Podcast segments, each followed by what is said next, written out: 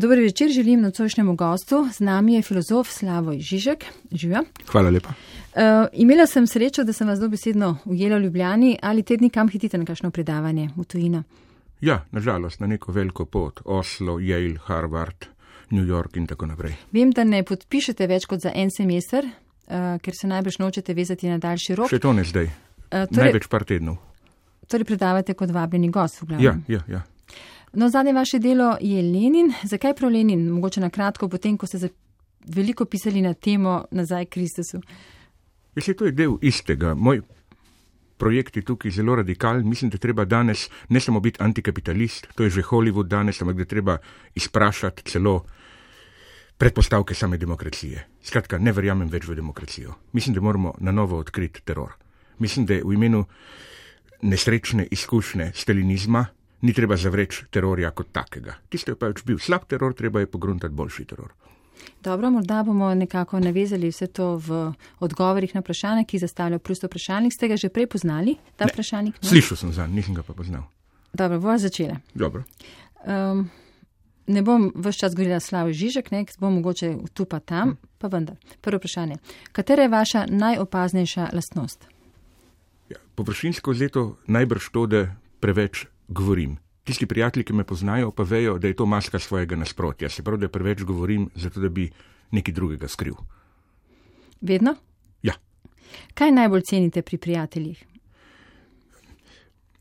da če morajo zbrati med mano in zvestobo nekemu načelu stvari, za katero nam gre, da so pripravljeni mene izdati. Ste to doživeli? Ja, ampak sem jaz to tudi drugim naredil, doživel sem to v obe smeri. Kaj najbolj cenite pri moškem? Pokornost. To, da če se nekemu cilju podredi, da uboga tiste, ki ga vodijo proti temu cilju. Kaj najbolj cenite pri ženski? Samostojnost, to, da zna terorizirati moške. Dobra ženska mora biti hudobna. Imate to izkušnjo? Ja, ampak ne idealno, še iščem ta pravo žensko, predobre so bile očitno te, s katerimi sem bil do zdaj. Torej, še vedno iščete. Ja, iščeš, potem pa naenkrat ugotoviš za nazaj, da si že našel. Taka je pač zadeva s to nesrečno ljubeznijo. Kaj je vaša največja odlika? Slavoj Žižek.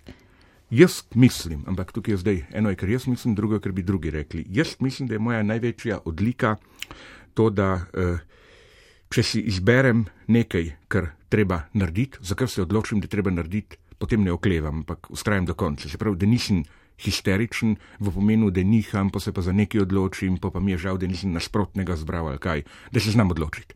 Pa vedno v tem strajate? Ja, nimam problemov s tem. Kaj je vaša največja slabost? Eh, Po mojem, da zamudim pravi trenutek, ko, ko sem sredi kakšnih medosebnih napetosti za konfrontacijo. Da namesto, da bi pravočasno zadevo zaostril, jo zaostrim prepozno in potem eksplodira veliko hujš, kot bi, če bi pravočasno zaostril odnose. Se pravi, da se, če kaj, da sem premalo agresiven, da se premalo skregam že dovolj zgodaj. Pa se lahko kontrolirate? Še preveč. Še preveč. Uh, kaj najraje počnete? Dobro, zdaj bom odgovoril zaradi evidentnih razlogov, kaj je druga stvar, ki jo najraje počnem. Prva, sem pač običajen človek iz mesa in tako naprej. Ne? Druga stvar, to pa je zelo precizno treba določiti. Najraje gledam po videu ali DVD-ju dober film, ampak potem, ko sem končal neko delo, ko sem končal s pisanjem, to mora biti ta precizen trenutek.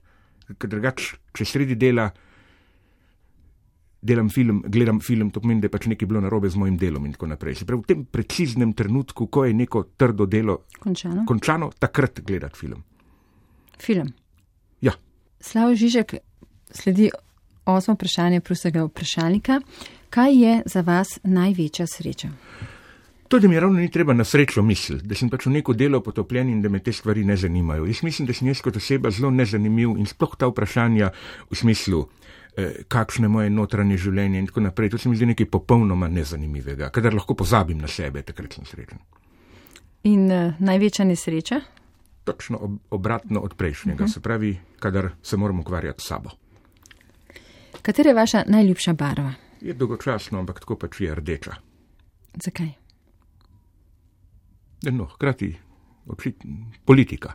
Nič ljubezen, nič življenje, ampak politika. Neč strast. Ne, ne, ne. ne.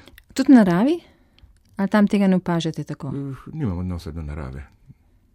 Moj odnos do narave je tisti, ki ga je imel Hegel, ko je videl švicarske Alpe in je rekel: Esi zlo, tako pač je. Eh, Katera je vaša najljubša roža, če so že pri naravi?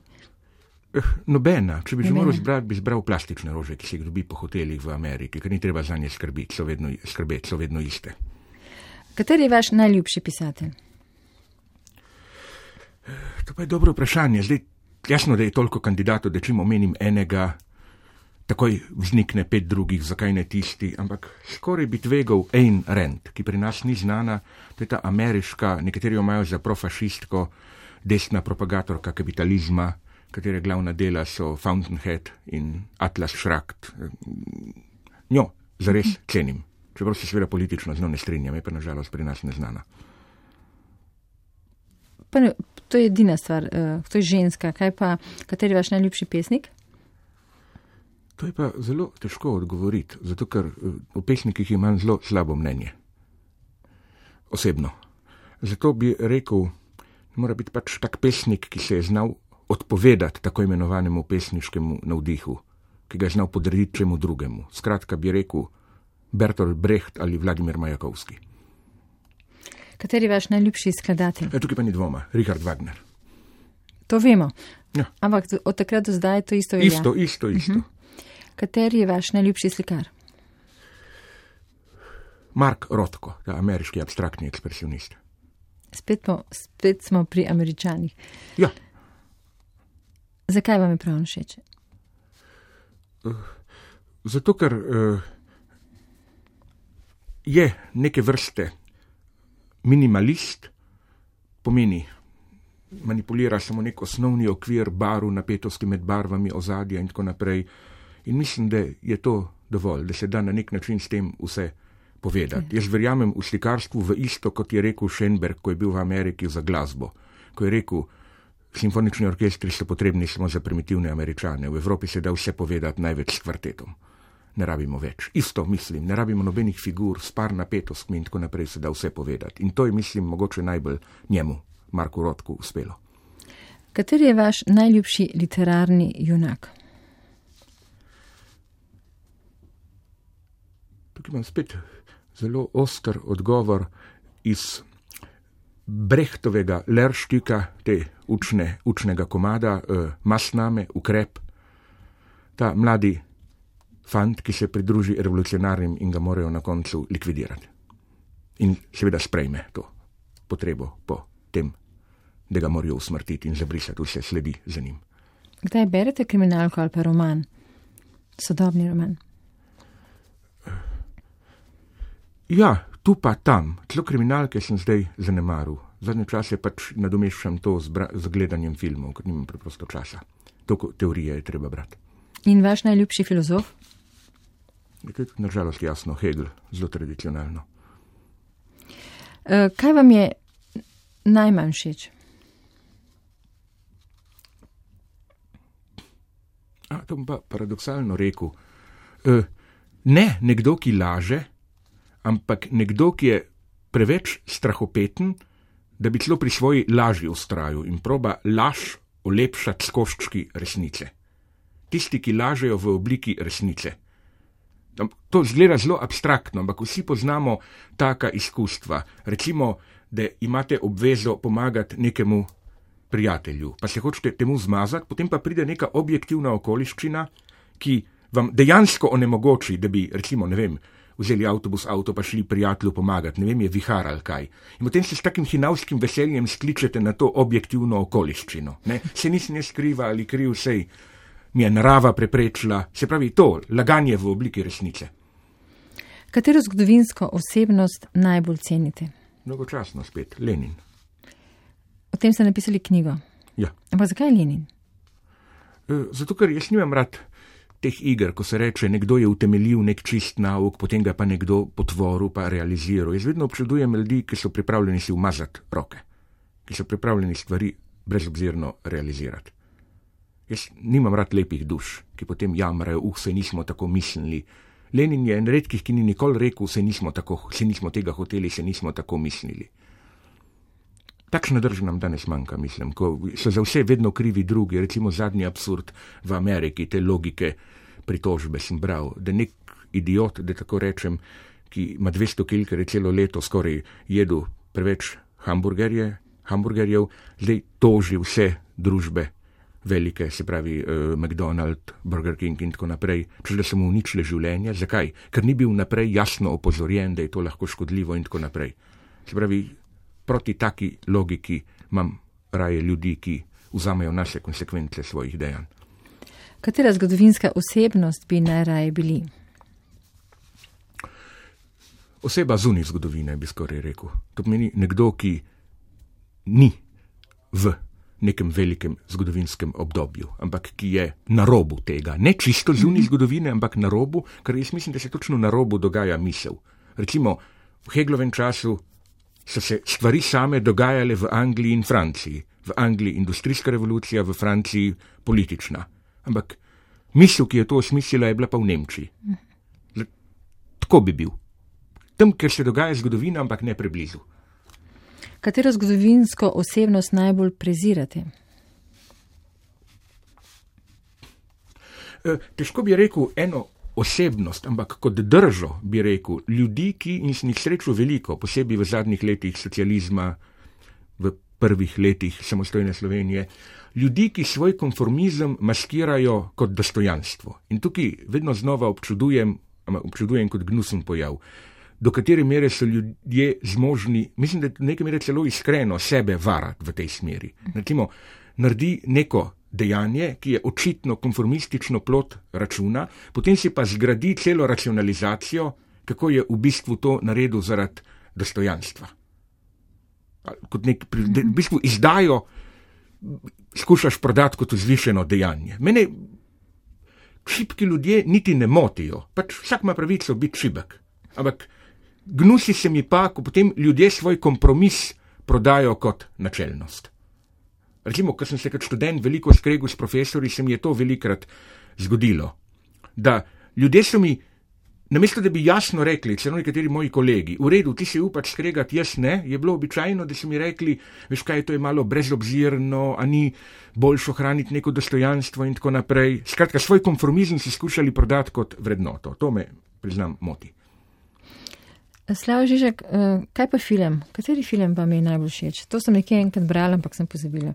Jaz sem bil zdaj vključen, tudi jaz eno tistih dobro, 200 tih kritikov, uh -huh. ki so za to anketo Sight and Sound, ki jo naredi angliška revija vsaki dve leti, ne, eh, vsaki, vsaki, vsaki, vsakih deset let. Ja. Sem tudi dal svojih deset filmov. Ja, to je problem, ker. So pač filmi, ki so očitni kandidati. Recimo za mene sta dva Hitchcockova, Psycho in Vrtoglavica in jasno, Vrtoglavica se lepo uspenja, letos je že bila na drugem mestu. Tako da, zdaj najbrž pričakujete od mene, da ne bom spet dolgočasen, kot sem bil pri Heglu in tako naprej, pa dal kakšne druge ekstremne primere. Dobro pa bom tvegu. Opfergang, žrtev. To je nemška melodrama iz leta 1944 glavnega nacističnega režiserja White Harlana to je ta zelo glasni režiser, ki je naredil Jud Zis, ki je naredil potem Kolbrek, tisto zadnjo Gebelsovo norost. Jaz mislim, da je to perfektna melodrama. Kaj pa sodobne filme ne gledate? Ja, gledam, samo je veliko blefa vmes. Če bi že hotel, no, ampak to je zdaj kratko par imen navržem. Recimo zadnjih 20 let Hollywood, ni težko zbrati. Uh, Robert Altman, Shortcuts, uh, Atom Egojan, Sweet Hereafter, v tej smeri. In Slav Žižek, kje bi radi živeli? Odgovor je absolutno jasen. Grenland ali Island. Zakaj? Zato, ker tam ni preveč ljudi, ker je mir pa hladno. Sovražim toploto in mislim, da je preveč ljudi na svetu. In imam rad kraje, kjer živi 400-500 ljudi in imaš mir. Tudi zaradi narave kot takšne? Nara edina narava, ki mi všeč, je točno ta severna narava na kateri je nekaj, če ne tako rečem, predontološkega, v pomenu, da ima človek občutek, da, kako bi rekel, Bog še ni dokončal stvarstva tam, ne, da je vse nekaj na pol oblikovano, kaotično, pusto. To mi je všeč. Pa to ostane samo pri želji ali tudi nameravate? A, sem že dvakrat bil na Islandu, mislim, id na Grenland, sem se povezal z nekim ameriškim prijateljem, ki ima stike z Inuiti ali, kot smo jim včasih rekli, Eskimi. Ne, ne, čisto konkretno. Recimo, zato tudi, če me že vprašate, najboljši film zadnjega uh -huh. leta je zame. The Fast Runner, hitri tekač. Ne vem, če je pri nas že igral, najbrž bo v kakem Cankerevem domu. To je prvi celovečerni inuit, ki se pravi eskimski film, posnet na severu Kanade in kar me je presenetilo je, kako dobro je zmanipuliran, kako obrtno je dobro narejen, je tri ure dolg film, ki se pa izjemno gleda. To bi bil za mene film leta. Upam, da bo tudi pri nas igral, vsaj v tem omejeni distribuciji. Kje boste 11. septembra? V New Yorku, ampak privatno, ne nobene velike okrogle mize. Privatno. Na, na ključ je, na naneslo, ključ je, da tam. da bom tam. Ampak tam tudi predavate občasno. Ja, ja. Dobro. To bi bilo vse za nocoj. Eh, Z nami je bil Slav Žižek, odgovarjali smo na vprašalnik, na plus vprašalnik. Uh, upam, da ste še vedno v mislih s tem, kaj je gospod eh, Slav Žižek povedal. Mogoče smo prehitro govorili, kaj se vam zdi, da bi morali mogoče umešati Ne morete malo manipulirati, pa vrteti trak malo kasneje, pa se mi bo tako tudi potem znižal glas, pa bom spadel bolj modar mogoče. Mogoče. No, hvala lepa še enkrat in lahko noč. Hvala vam tudi.